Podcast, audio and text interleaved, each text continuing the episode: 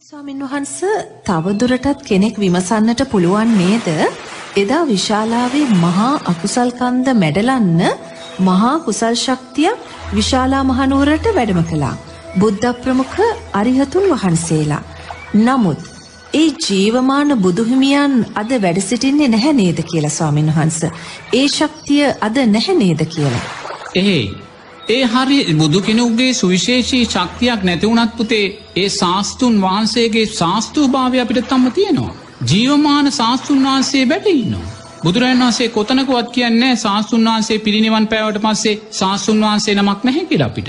අපේ ධර්මයේ ශාස්තුන් වහන්සේ ජීවමානවන්නවා. එතුරේ ශාස්තූ ධර්මය තුළ විශ්වාසය අපි තියන්න ඕන. අපි ධර්මය තුර ඉදන් සත්‍යයක් ක්‍රියා කරන්න පුතේ ඒ ශක්තිය තුළ ඉඳලයි. බුදුරජන් වන්සේ කියෙන කාය කර්මෝල්ට වඩා මනෝකර්ම බලවත් කියලා. මුක දෝක බුදුරජන් වන්සේ දේශනා කරන නිගන්ටනාත පුත්‍රගේ ප්‍රධාන ශ්‍රාවකයට උපාලිකින ශ්‍රාවකයට.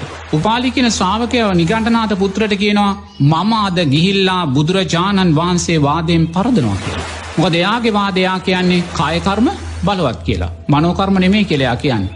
එයා කියන බලමත්තා කන මං බුදුරජාණන් වහන්සේ එළුවෙක්ගේ රැවුලෙන් අල්ලලයි එළුවාව කරකවල පොළොවේ ගහන්නේ අම්සේද මං ඒ විදිහට බුදුරන් වන්සේ පොලේ ගහනො කියලා. එහෙම කියල යන්නේ මේ වාදින් මං පරාද කරලා. ගෙල්ල බුදුරන් වන්සේතක වාද කරන වාද කරලාම් බුදුරන් වන්සේ පාලි කියන නිගන්ට ශ්‍රාවක පින්වතාට කියනවා පාලි මං මෙහෙම දෙයක් කියනවා ඔබ පිළිතුරු දෙන මොකක්ද යම් පුද්ගලේ කඩුවක් කරගෙන හොද තියවුණු කඩුවක් කරගෙන එයා නගරි මැද්දට එනවා. නගර මැද්දට ඇවිල්ලයා කියනවා මංමුළු නගරම කඩුගාල විනාස කරනවා කිය. තෙන්න ගැනය කඩුව භාවිතා කරලා කායකර්මයක් තුළින් මුළු නගරම මිනිස්සුම මරලා දාල විනාස කරනවා කියෙනවා. බුදුරජන් වහන්සේ අහන උපාලි ඒක යාට කරන්න පුළුවන්ද කියලා. උපාලිම කියන බැහැ කියලා. මොකද එයා එහෙම කරන්න ගියොත් රාජබටයෝ ඉන්නවා හමුදාවක් ඉන්නවා පොලිසියක් ඉන්නවා දැන් කෙනෙක් ඇවිල්ලා පිටකොටුව හන්දියට ඇවිල්ලා තියවුණු කඩුවක් කරන්න කිව්වොත් මං මේ මුළු පිටකොටුවේ ඔක්කෝම මරාදානවා කෙලෙක කරන්න පුළුවන්ද නොන? කරන්න බැහැ. ආරක්ෂක හමුදාවක් ඉන්නවා පොලිසියක් ඉන්නවා ජනතාවන්නවා ශක්තිමත්. එයාට කවදක්කත් කරන්න බැහැ. ඊට පස්සේ බුදුරජන් වහන්සයානවා හොඳයි උපාලි. එහෙමනම් රිශුවරෙක්කින්නවා. රිශවරයා කියෙන බෞද්ධෙක් නෙමේ හිමාලෙම ජීවතෙන් රිශවරුවන්න එගොල රූපාවචර අරූපාවචර ධ්‍යාන ශක්තින් ශක්තිමත් කරගෙන එර්දි ප්‍රාතිහාරයන් තියෙන එවැනි රිශුවරයෙක් සාපයක් කරනවා. ඒ සාපි තමයි මේ නගරෙම හළුවේවා කළයා සාප කරනවා. එක වෙනවාද කියලානවා උපාලිකෙන ඔවු කිය. එහනම් උපාලි කායකර්මද මනෝකර්මද බලවත්. මනෝකර්ම බලවත්. තියන්න මනෝකර්ම බලවත්. එනම් ඔබ සද්ධාව තුළ ශක්තිමත්නා. ඔබ සීලය තුළ ශක්තිමත්නා. ඔබ දානය තුළ ශක්තිමත්නා. ඔබ සමාධිය ප්‍රඥාව තුළ ශක්තිමත්නන්න ඕනා ඔබ මනසිං ඇති කරගන්නා වූයේ ශක්තිමත් සත්‍යයක් ක්‍රියාව කායකර්මයන්ට වඩ බල. ඒක තේරුම් ගන්න. එතනදී ඒ තේරුම් ගැනීම අපිට ධර්මය ශක්තිය තුළින් තමයි අපිට එක ලැබෙන්නේ. තෙන්. ඒ අනිවාරම ධර්මය තුළින් ඕන ධර්මය තුළ නැතිකෙනෙකුට ඔය කාරණ මතු කරල දකින්න බැහැ. තෙන්. එනිසා අපි ඉදිරියට බියක් එද්දි නෝනා අපි බිය ඉදිරියේ තැති ගැනීම නෙමේ කළ යුත්තේ. තැතිගන්න මොහොතක් පාසා බියට අදාළව සංස්කාර අපි රැස් කරනවා. බියට අදාළව සංස්කාර අපි රැස් කරන. එනිසාමේ බුදුරජාණන් වහන්සේගේ ශ්‍රාවකය හැටියට බුදුරජාණන් වහන්සේගේ භික්ෂු භික්ෂුණී උපාසු උපාසිකා සිව්වන පිරිසට හැටියට නොනා අපිට මේ ශක්තිය තියෙන් නොට එතන තමයි බුදුරජන් වහන්සගේ ශ්‍රාවකත්වය. ඒ ශ්‍රාවකත්වය නැතු අපිට වැඩ නැහැ තියන්න. බුදුරන් වහන්සේගේ ශ්‍රාවකත්වය කියන්නේ බුදුරන් වහන්සේගේ දේශනා කලා වූ ධර්මය ආර්ථය අපේ ජීවිතල තියෙන් නොනේ එතනයි ශ්‍රාවකත්වය කියන්න. ආරෂ්ඨාංගික මාර්ගය ශක්තිය තෙන්න. ඉති ඒ ශ්‍රාවකත්වය දුරුවල වෙන තැන්ති නොනා අන්න පංචනීවරණයන් විසින් අපිව වෙලාගන්න තෙන්න. අපිට කොයිසා ව්‍යාසනයක් මැද්ද වුණත් නෝනා බුදුරජාණන් වහන්සේගේ ධර්මය ශක්තියෙන් සත්‍යක්‍රියා කිරීමේ ශක්තිය අපි ලබාගන්නේ ඒ ප්‍රාතිමෝක්ෂ සීලේ බුදුරජන් වහන්සේගේ ශාස්තුභාවය ශක්තිය තුළමයි. තියන්න. එනිසා ඒ තැනට ඔබලාටත් එන්න කියලායි කියන්නේ. ඒ තැනට ඔබලා ආවොත් අපිට අයිමත් සුනාමි බයට බයවෙන්න අවශ්‍යතාවය නමු සියලු සංස්කාරය අනිත්‍යයි. ඒක වෙනම දෙයක් නමුත් අපි තුළ විශ්වාසයක් තියෙන්න්න ඕනේ. තියන්න. අපි නිවැරදිනං අපිට වැරද්දක් වෙන්න විදිහ නෑකේ. වැරැද්දක් වුණොත් ඒක ඉතින් සංස්කාරයක් ඒක වලක්වන්න අපි කාටවත් පුළුවන්කම නෑ.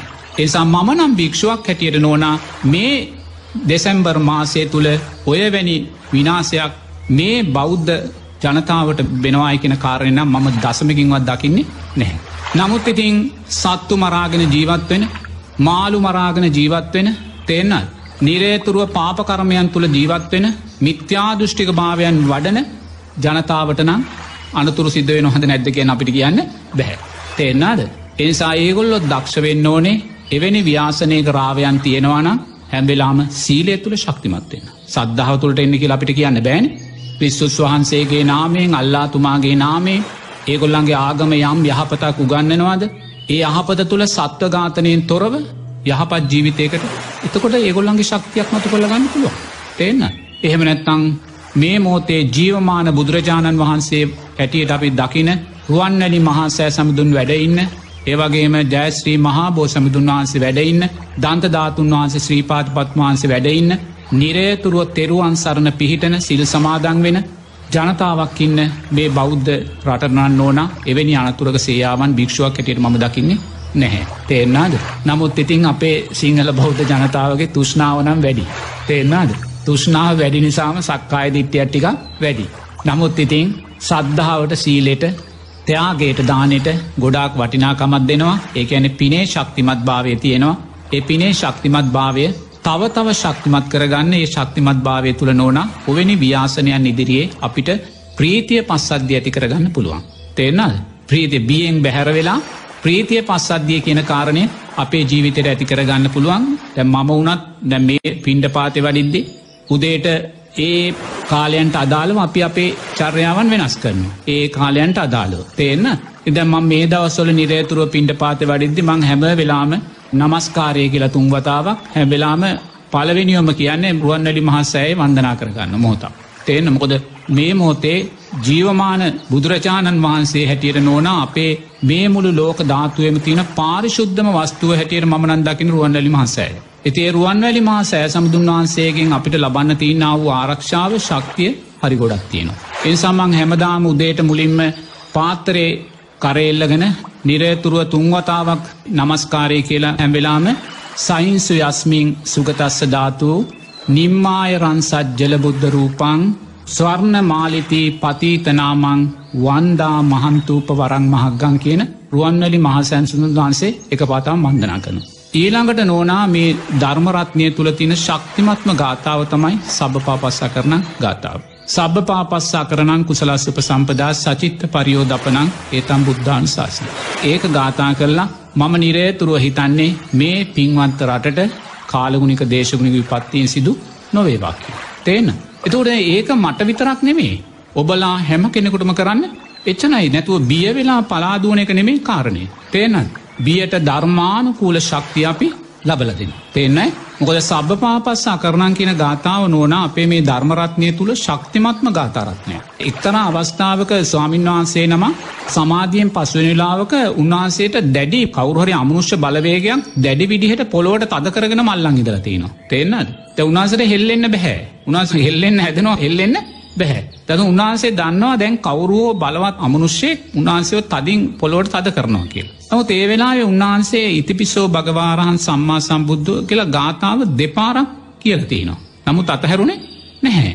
නමුත් ඒ වෙලා උන්වහන්සේ සබ්බ පාපස්සා කරනං කුසලස් උප සම්පදන් කියනකොටම නෝනා අරග්‍රහණයෙන් මිදිලතිනවා. තෙන් එකැනේ සබ්බ පාපස්සා කරනං කුසලස් උප සම්පදා සචිත්ත පරියෝධපනං ඒතම් බුද්ධාන ශාසනන් කියන්නේ සියලු බුදුරජාණන් වහන්සේලාගේ අනුශාසනය. තේන.